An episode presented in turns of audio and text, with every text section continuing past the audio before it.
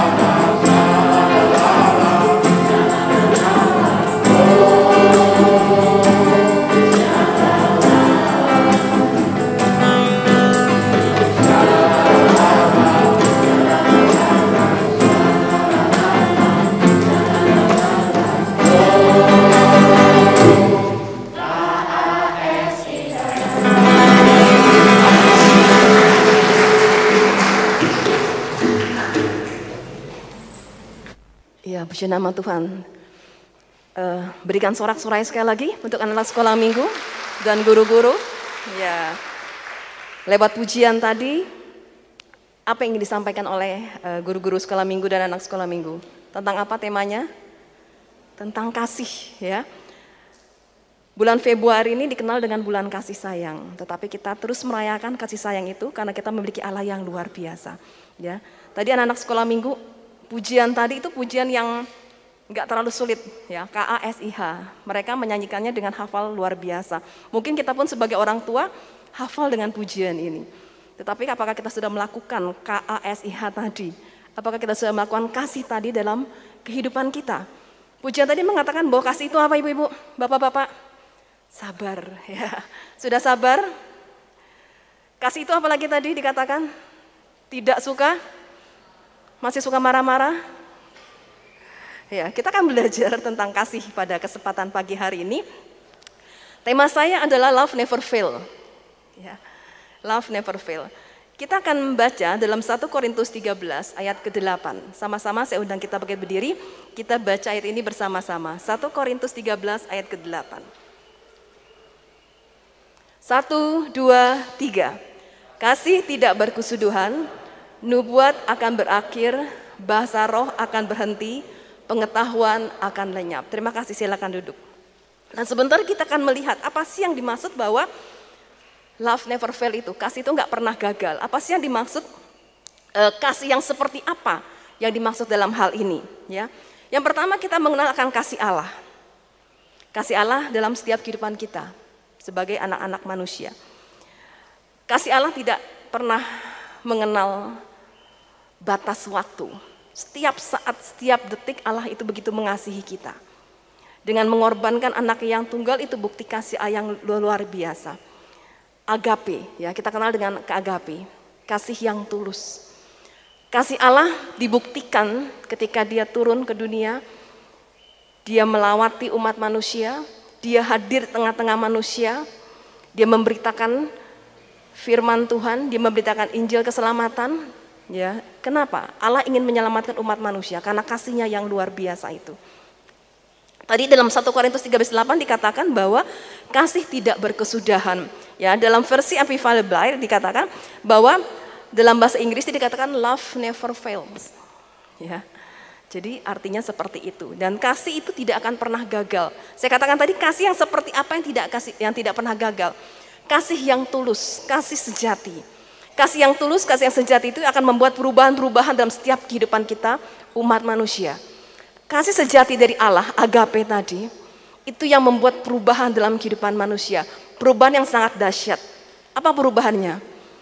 Dengan pengorbanannya, pengorbanannya di kayu salib kita lihat Hukuman maut yang harus dialami manusia bisa dirubah karena kasih Allah. Hukuman maut yang harus kita terima, kematian kekal yang harus kita terima, diubahkan karena kasih Allah. Sehingga anak kita sebagai umat manusia bisa menerima keselamatan yang kekal. Kita sebagai umat manusia bisa menerima kerajaan surga. Karena apa? Karena kasih Allah. Agape tadi. Kasih sejati Ya, kita boleh lihat dalam Yohanes 3 ayat 16. Kita baca dulu dalam Yohanes 3 ayat 16. Yohanes 3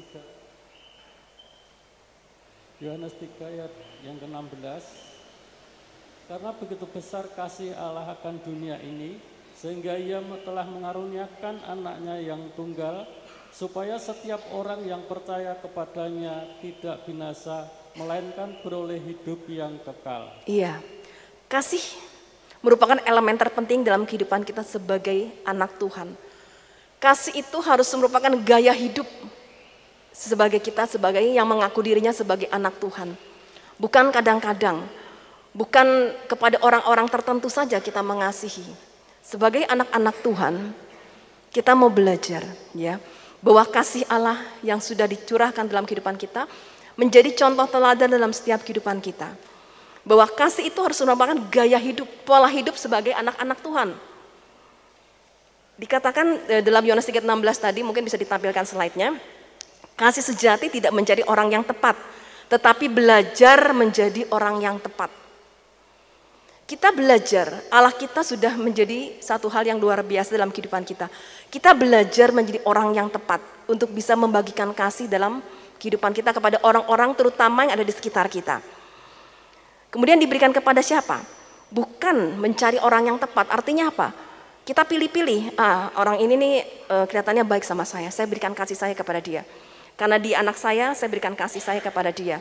Tetapi kepada saudara saya itu saya nggak bisa memberikan kasih. Karena dia itu suka suka memfitnah saya, karena dia itu suka bikin jengkel saya, saya tidak akan memberikan kasih, enggak. Tetapi baiklah kita dikatakan menjadi orang yang tepat, yang bisa membagikan kasih kepada setiap orang. Karena Allah kita nggak pernah pilih-pilih kepada siapa dia mengasihi. Allah nggak pilih-pilih dia mengasihi hanya kepada orang yang rajin ke gereja. Allah nggak pilih-pilih dia hanya mengasihi kepada orang yang suka bayar perpuluhan. Allah nggak pilih-pilih dia hanya mengasihi kepada orang yang hanya taat sama dia. Tetapi Allah mengasihi semua orang, siapa pun dia. Dalam kondisi apa pun, kasih Allah tetap tercurahkan. Itulah kasih sejati, kasih yang tulus. Kita belajar ya bagaimana kita bisa memberikan kasih itu juga kepada sesama kita. Dikatakan bahwa tadi kasih itu tidak berkesudahan. Nubuat akan berakhir, bahasa roh akan berhenti, pengetahuan akan lenyap. Ya, dalam satu Korintus tadi kita baca. Demikianlah tinggal ketiga hal ini yaitu iman, pengharapan, dan kasih. Dan yang paling besar di antaranya adalah kasih.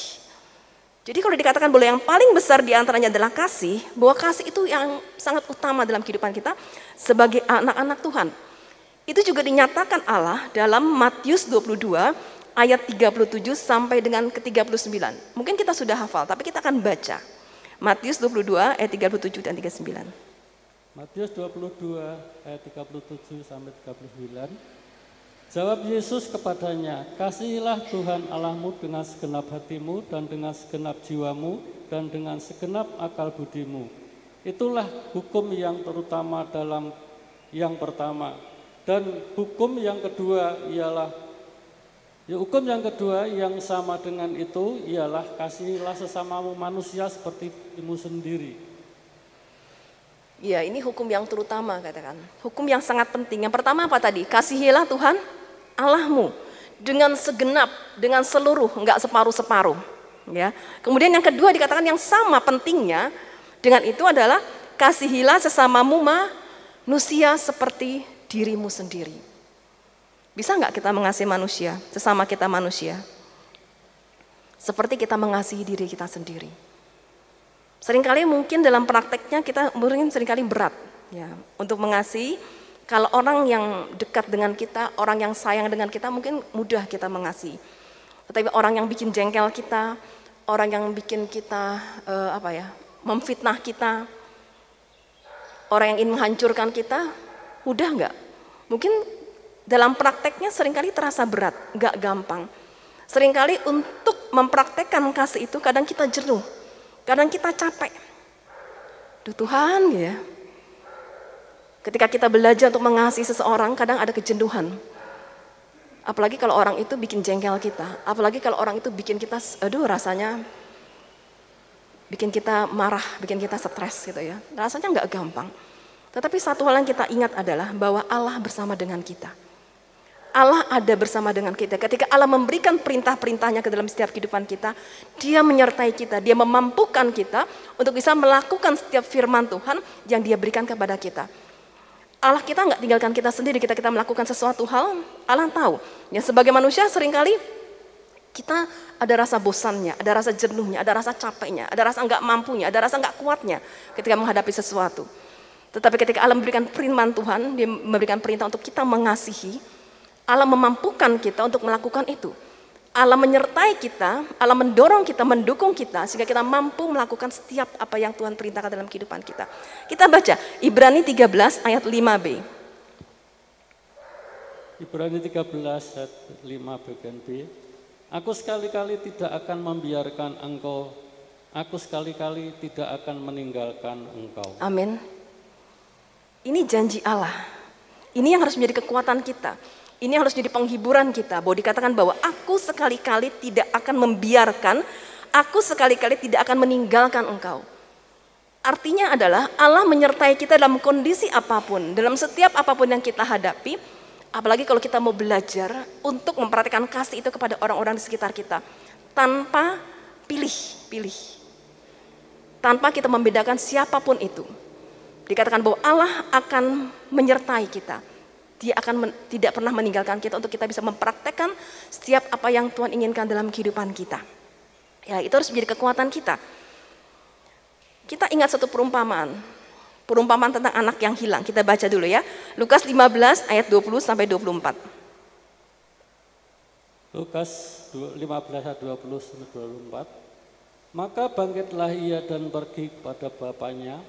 Ketika ia masih jauh, ayah Ketika ia masih jauh, ayahnya telah melihatnya, lalu bergeraklah hatinya oleh belas kasihan. Lalu bangkitlah dan mencium dia, merangkul dan mencium dia. Kata anak itu kepada kepadanya, Bapa, aku telah berdosa terhadap surga dan terhadap Bapa. Aku tidak layak lagi disebut anak Bapa. Tetapi ayah itu berkata kepada hamba-hambanya, lekas bawa ke, kemari jubah dan yang terbaik, baik pakailah itu kepadanya, pakaikanlah itu kepadanya dan anak kenakanlah cincin pada jarinya dan satu pada sepatu pada kakinya. Dan ambillah anak lembu tambun itu sebab e, sembelihlah dan marilah kita makan dan bersuka cita. Sebab anakku ini telah mati dan menjadi hidup kembali ia telah hilang dan dapat kembali maka ma, ma, ma, maaf maka mulialah mereka bersukacita. Ya, maka mulailah mereka bersukaria. Kita hafal uh, tentang perubahan tentang anak yang hilang ini. Ya, ketika anak itu datang, kita lihat bagaimana si bapak menyambutnya dengan sukacita. Kita lihat bagaimana si bapak tadi dia betul-betul mengharapkan ya kembalinya si anak yang hilang ini dikatakan. Tetapi apa yang dilakukan oleh si bapak itu tidak dipahami oleh yang si sulung tadi. Ya, si sulung nggak paham. Mungkin orang-orang yang di sekitar situ, ya pegawai-pegawainya pun nggak ngerti. Kok bapaknya melakukan hal seperti itu? Ketika anak yang sepertinya kita anggap itu anak yang durhaka, ya datang dalam kondisi yang sudah tidak punya apa-apa, rasanya kok aneh. Ketika si bapak menyambut dengan sukacita, bahkan diadakan pesta, bahkan diberikan jubah yang terbaik, bahkan diberikan cincin kepadanya. Ya secara logikanya mungkin kita nggak nyalain si sulung kalau dia marah, dia jengkel. Dia merasa dia aja nggak pernah diperlakukan seperti itu waktu si bapak. Tetapi apa yang bapak lakukan itu berbeda ya dengan si sulung dengan mungkin kita kebanyakan orang menganggap ya bapak itu adalah salah satu contoh kasih yang tulus, kasih yang tidak pandang. Kehadiran seorang anak pulang itu sangat membuat dia sangat bersuka cita sekali. Kembalinya anak itu membuat dia sangat senang sekali. Dia memberikan kasih yang luar biasa. Dia nggak marah-marahin si anak. Dia nggak bilang ngerasain kamu ya, kamu sudah melakukan hal seperti itu. Ya, udah ya, tanggung jawab atas apa yang kamu kerjakan enggak. Tetapi kita lihat bagaimana dia menyambut dengan penuh sukacita. Dia menyambut dengan penuh hati yang gembira, bahkan diadakan pesta. Itulah kasih sejati. Kasih yang tidak pilih-pilih, kasih yang tidak pandang bulu, kasih yang tidak minta balasan apa pun juga. Ya. Pernah satu mengalami satu, satu pengalaman yang membuat saya cukup menyesal Bapak Ibu Saudara sekalian. Uh, cukup lama saya mengenal satu seorang remaja ya. Saya mengenal seorang remaja cukup lama. Dia teman dari anak-anak saya gitu ya, tetapi dia tidak seorang uh, beragama Kristen. Saya mengenal anak ini suka bermain ya dengan anak-anak saya. Kemudian saya melihat bahwa kondisi anak ini tuh uh, kehidupannya kurang baik ya kehidupannya kurang baik dengan orang tuanya juga tidak baik dia suka uh, pergi tanpa izin pamit nginep beberapa hari nggak izin sama orang tua sampai orang tuanya kelabakan mencari dia ya sehingga anak saya yang dibelin ini tahu nggak ke mana ini tahu nggak ke mana gitu ya saya ngelihat anak ini kayaknya butuh bimbingan gitu ya. Tetapi karena satu kondisi dan lain hal, saya sedang fokus dengan sesuatu sehingga saya tidak terlalu memperhatikan ya. Dia pikir saya pikir ah dia sering bermain dengan anak saya sudahlah gitu ya. E, saya tidak terlalu memperhatikan, tidak terlalu masuk ke dalam kehidupan si anak itu. Sampai satu saat karena satu kondisi dan pasangan anak itu hilang, nggak pernah main-main lagi gitu ya, nggak pernah main-main lagi, nggak tahu e, dihubungi gitu nggak bisa. Teman-temannya hubungi apa gitu nggak dijawab sama sekali sama dia. Ketika hal itu terjadi, itu saya langsung dek terasa gitu ya. Aduh Tuhan, saya kurang peka saya bilang. Kenapa selama dia e, bermain ya suka ketemu dengan saya, kenapa saya nggak bimbing dia? Kenapa saya kok nggak nangkep dia gitu loh? berusaha menjadi teman bagi dia, ya berusaha menegur dan menasihati dia, ya. Kenapa kok saat itu saya cuek-cuek aja, hanya ngerti kondisi masalah, tetapi saya nggak masuk ke dalam kehidupan si anak. Sedangkan saya kenal anak itu, ya, sering kali bertemu dengan anak itu. Kemudian kondisi itu membuat saya cukup menyesal, ya, karena anak itu hilang. Saya suruh temannya untuk hubungi dia, coba tanyain, ayo dolan lagi, saya bilang, nggak bisa dihubungi, ya di chat, lewat Instagram, apa pun tidak dijawab. Itu sampai membuat saya mimpi tentang anak itu. Aduh, saya bilang, itu pengalaman yang luar biasa bagi saya. Ya, membuat saya sampai memimpikan anak itu. Saya merasa ada perasaan bersalah, kenapa saya nggak cepat-cepat nangkep itu anak, ya, nggak cepat-cepat bimbing anak itu. Ya, itu membuat saya rasanya, aduh Tuhan, ya, saya mohon ampun betul, saya minta maaf sama Tuhan. Saya berdoa mudah-mudahan anak itu datang lagi. Mudah-mudahan anak itu kembali lagi dan saya akan cepat-cepat gitu ya membimbing dia, cepat-cepat berusaha untuk mendekati dia. Ya. Di sini saya belajar bagaimana Tuhan ajarkan saya, kamu harus peka, memberikan kasih, jangan cuek.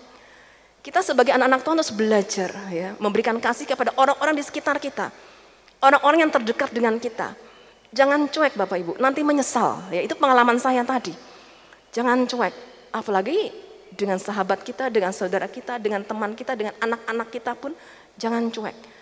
Ketika mereka mulai membuat sesuatu hal yang tidak baik, ya cepat-cepat ya harus kita berikan kasih kita yang tulus, kasih sejati kepada mereka. Karena dikatakan tadi bahwa kasih yang sejati itu akan bisa mengubahkan, bisa membentuk kehidupan seseorang berubah 180 derajat. Saya akan bacakan dari 1 Korintus 13 ayat ke-8, saya akan bacakan ayat ini. Kita sudah hafal, eh kita sudah sering membaca ayat ini, tetapi sering kali kita praktekkan enggak ayat ini ya, tentang kasih. Saya akan bacakan ya.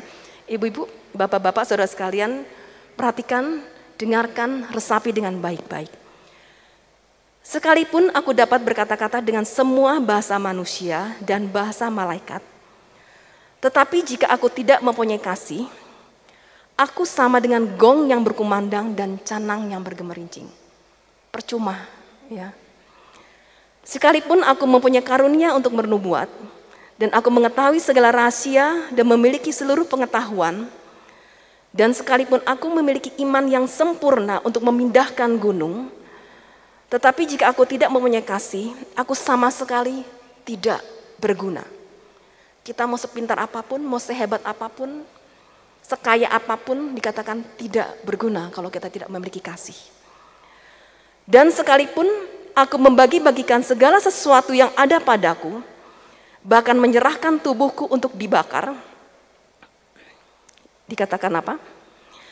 Tetapi jika aku tidak mempunyai kasih sedikit pun tidak ada faidahnya bagiku. Kasih itu sabar, kasih itu murah hati, ia tidak cemburu, ia tidak memegahkan diri dan tidak sombong. Ia tidak melakukan yang tidak sopan dan tidak mencari keuntungan diri sendiri. Ia tidak pemarah dan tidak menyimpan kesalahan orang lain. Ia tidak bersuka cita karena ketidakadilan, tetapi karena kebenaran. Ia menutupi segala sesuatu, percaya segala sesuatu, mengharapkan segala sesuatu, sabar menanggung segala sesuatu. Kasih tidak berkesudahan. Nubuat akan berakhir, bahasa roh akan berhenti, pengetahuan akan lenyap. Demikianlah tinggal ketiga hal ini, iman, pengharapan, dan kasih. Dan yang paling besar di antaranya ialah kasih. Kita tahu ayat tadi, kita sering baca, mungkin bertahun-tahun berkali-kali kita membaca ayat ini. Tetapi sudahkah kita mempraktekkan ayat tadi? Sabar, tidak pemarah, tidak sombong, tidak iri hati. Sudah belum? Kasih Allah itu luar biasa. Ya, dia selalu menyertai setiap kehidupan kita. Kehadiran seseorang yang mengasihi dengan tulus akan memberikan perubahan yang cukup besar. Ada satu contoh nyata yang sudah sering kali saya sampaikan di beberapa wadah. Kisah tentang seseorang yang mengalami perubahan yang cukup dahsyat karena kan kasih tulus seorang ayah. Ya. Namanya Yeri Pati Nasarani. Ya. Eh, saya melihat ini pertama kali ketika saya lihat YouTube ya ada wawancara antara uh, Pak Yeri ini dengan Daniel Manantang ya. Sekilas hanya sedikit saja nggak nggak full. Karena saya tertarik lalu saya nonton ya. Saya melihat uh, kisah kehidupannya ya. Jadi perjuangan seorang ayah di sini menceritakan perjuangan seorang ayah seorang pemain sepak bola seorang pelatih yang terkenal di Indonesia tetapi dimiliki dua orang anak yang terkena narkoba anak ini sejak kecil ketika mau masuk SMP e, diberikan minuman oleh seorang penjual warung di depan sekolahnya secara gratis. Taunya minuman itu mengandung narkoba, membuat dia akhirnya ketagihan. Singkat cerita sampai SMA dia harus keluar masuk sekolah karena dikeluarkan dari sekolahnya. Ya. Dan ketika si ayah mengetahui kondisi anaknya seperti ini, ayah ini harus memilih antara karir dan anak. Karena sebagai pemain sepak bola dia harus uh, ikut satu tempat ya, nggak tinggal bersama dengan anak-anaknya. Dikatakan bahwa sepak bola itu seperti istri keduanya, hal yang penting bagi dia. Tetapi di saat itu dia harus memilih antara karir dan anak. Pilihan yang luar biasa. Ya, si ayah lebih memilih kepada si anak. Dia memilih hadir untuk bersama anaknya. Dia memilih untuk datang bersama untuk kehidupan uh, kehadirannya itu bisa mengubahkan si anaknya. Karena dia mengasihi dia tidak mau kehilangan anaknya ini. Ya dia tinggalkan karirnya dia hadir untuk si anaknya. Kita bisa membayangkan bagaimana hari-hari yang dilalui untuk menghadapi orang yang kecanduan narkoba. Kemarahan yang luar biasa yang harus dialami uh, si anak ketika ngamuk-ngamuk ketika sakau ketika ketagihan ya dia mendampingi si anak Ketika anaknya sakau diajak lari-lari supaya menghilangkan rasa sakit. Ada satu peristiwa ketika dia di sekolah, anaknya masih SMA, anak itu suka mencuri ya, mencuri. Tetapi pada satu saat dia nggak mencuri, tetapi dituduh mencuri. Dipanggil orang tuanya ke sekolah, berhadapan dengan kepala sekolah.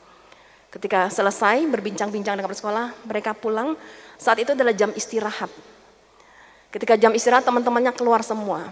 Teman-temannya keluar semua, mereka meneriakin apa? Maling, maling. Diteriakin maling. Si anak ini tertunduk malu.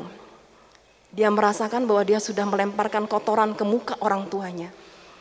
Orang tua yang dieluk-elukan se-Indonesia karena kehebatannya sebagai pemain sepak bola.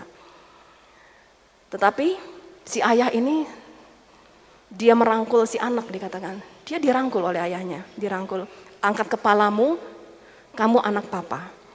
Si ayah nggak merasa malu memiliki anak seperti itu. Dikatakan angkat kepalamu, kamu anak papa. Itu membuat si anak ini merasa dia harus berubah.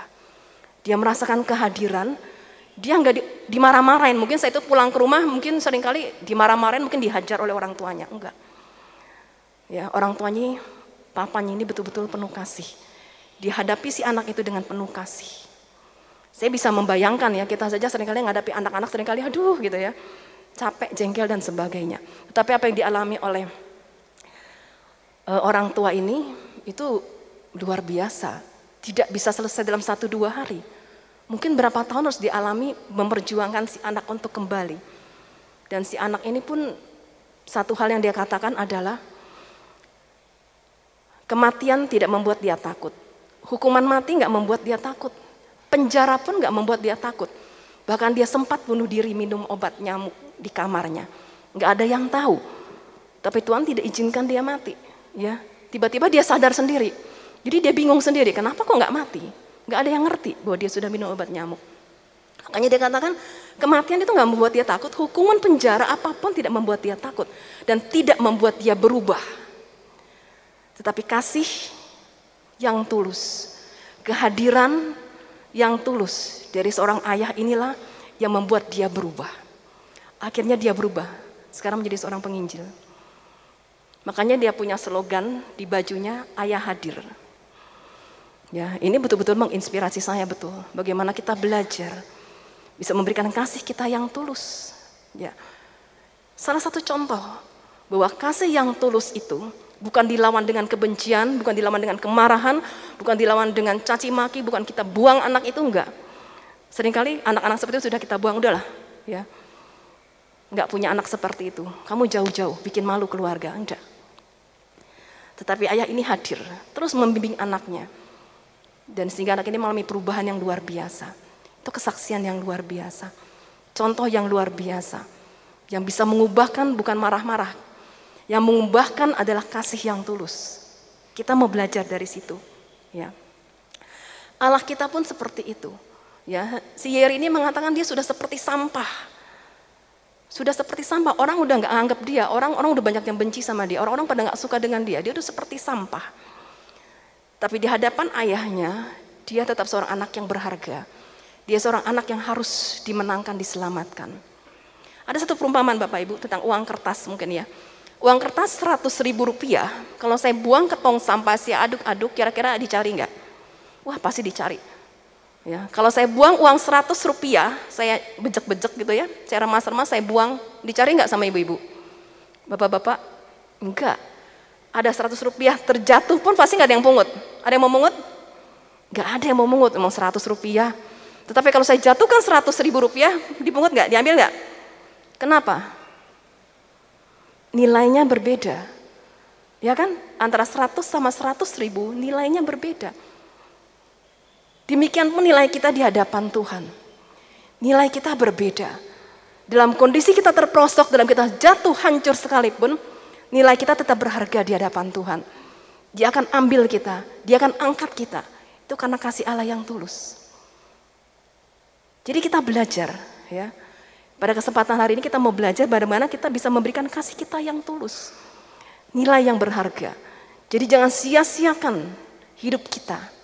Karena kita nilai kita berharga di hadapan Tuhan. Kita istimewa di hadapan Tuhan. Kita baca lagi ayat Yohanes 13 ayat 34. Yohanes 13 ayat 34 Aku memberikan perintah baru kepada kamu yaitu supaya kamu saling mengasihi sama seperti aku telah mengasihi kamu demikian pula kamu harus saling mengasihi. Ya, ini dikatakan apa? Perintah. Kalau perintah harus dilakukan, ya.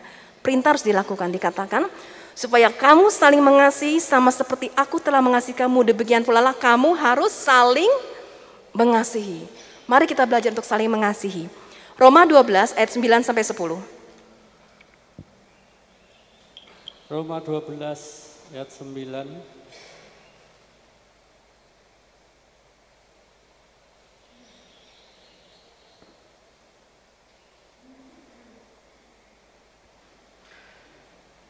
Hendaklah kasih itu jangan pura-pura, jauhilah yang jahat, dan lakukanlah yang baik. Hendaklah kamu saling mengasihi sebagaimana sebagai saudara dan saling menjauhi dalam mem, saling mendahului dalam memberi hormat. Ya, dikatakan kasih itu jangan pura-pura, jangan kelihatan di luar kayak saling mengasihi, tetapi dalam hatinya kita jengkel. Ya, ini ada satu uh, foto saya akan ceritakan tentang foto ini. Dia adalah Abdul Kalam atau dikenal dengan APJ Abdul Kalam adalah mantan presiden India periode 2002-2007. Nah, mendiang ini merupakan ilmuwan insinyur India terkemuka. Ia dikenal sebagai seorang e, sosok penulis buku inspirasional, salah satunya Wings of Fire yang ditunjukkan untuk menyemangati pemuda India. Nah, dia mempunyai satu pengalaman yang luar biasa tentang kasih tadi. Ya, saya akan bacakan ceritanya. Waktu itu kami masih kecil. Ibuku memasak makanan untuk kami. Suatu malam dia membuat makan malam setelah seharian bekerja keras. Ibu meletakkan sepiring sabi dan roti gosong di depan ayahku, kata Abdul Kalam. Aku menunggu untuk melihat apakah ada yang memperhatikan roti gosong itu. Ayahku tenang saja makan rotinya dan bertanya padaku bagaimana hari-hariku di sekolah. Aku tidak ingat apa yang aku katakan padanya malam itu. Tetapi aku ingat, aku mendengar ibu meminta maaf kepada ayah atas roti gosong itu. Aku tidak akan pernah lupa yang dia katakan, sayang, aku suka roti gosong. Malamnya aku mencium ayah mengucapkan selamat malam. Aku bertanya, apa ayah benar-benar menyukai rotinya yang gosong? Apa cuma pura-pura gitu ya? Ayah memelukku sambil berkata, ibumu melalui hari-hari yang berat dengan pekerjaannya. Hari ini dan dia benar-benar lelah. Roti gosong tidak pernah menyakiti siapa pun. Kata-kata kasarlah yang akan menyakitkan. Kau tahu nak, hidup ini penuh dengan hal-hal yang tidak sempurna dan orang yang tidak sempurna. Ayah pun bukan lelaki terbaik dan telah belajar menerima ketidaksempurnaan itu. Apa yang telah aku pelajari selama bertahun-tahun adalah menerima kesalahan satu sama lain dan memilih untuk merayakan hubungan. Kita lihat ya, roti gosong kadang bikin kita ngamuk-ngamuk gitu, bikin, marah-marah. Tetapi si ayah itu enggak, dia nikmati roti gosongnya. Dia tahu ibu nggak akan mungkin sengaja membuat roti itu gosong. Seorang ibu ketika memberikan makanan gosong pasti juga sedih gitu ya. Aduh, ya kenapa kok bisa gosong? Kan jadi nggak enak dinikmati. Pasti ada perasaan bersalah seorang ibu. Tetapi ayah tadi suaminya mengatakan aku suka roti gosong. Dia lebih memilih untuk belajar, saling memahami satu dengan yang lain. Dia tidak memaki-maki. Ya, ngasih roti gosong, nanti bikin apa, bikin apa enggak. Dikatakan bahwa kata-kata itu lebih menyakitkan dari sepotong roti gosong. Jadi dari beberapa kisah tadi kita mau belajar Bapak Ibu. Bahwa kasih itu luar biasa. Kasih itu bisa mengubahkan. Kasih yang seperti apa? Kasih yang tulus. Kasih tidak akan pernah gagal. Ketika kita memiliki pergumulan, berikan kasih yang tulus. Maka itu akan mengubahkan. Dahsyat sekali akibatnya ketika kita memiliki kasih. Puji nama Tuhan. Ini sedikit firman Tuhan yang saya berikan pada kesempatan uh, pagi hari ini. Mari kita bersyukur untuk kasih yang luar biasa yang kita terima dan mari kita praktekkan, kita bagikan kasih itu pada orang-orang di sekitar kita. Mari firman Tuhan pada pagi hari mengingatkan kita bagaimana kita belajar memiliki kasih yang tulus dan mempraktekkan itu. Mungkin awalnya terasa berat, tetapi kita mau taat, lakukan firman Tuhan maka itu akan mudah kita lakukan karena Allah menyertai kita. Terima kasih Tuhan bersyukur kami kepadamu kalau pagi hari ini kami boleh memuji membesarkan nama Tuhan dan kami mendengar kebenaran firman Tuhan yang begitu luar biasa mengajar mengingat pada kami untuk kami boleh eh, lebih saling mengasihi terlebih kami mau melakukan itu bukan hanya di mulut saja tetapi dari perilaku kami kehidupan kami sehari-hari. Terima kasih Tuhan hambamu yang sudah berhenti berbicara Tuhan pakai semakin luar biasa untuk menyampaikan kabar sukacita kabar gembira yang yang datangnya dari firman Tuhan yang datang dari Tuhan. Terima kasih Tuhan dan kami sudah menikmati ibadah kami dengan penuh ucapan syukur hanya di dalam nama Tuhan kami Kristus. Haleluya. Amin.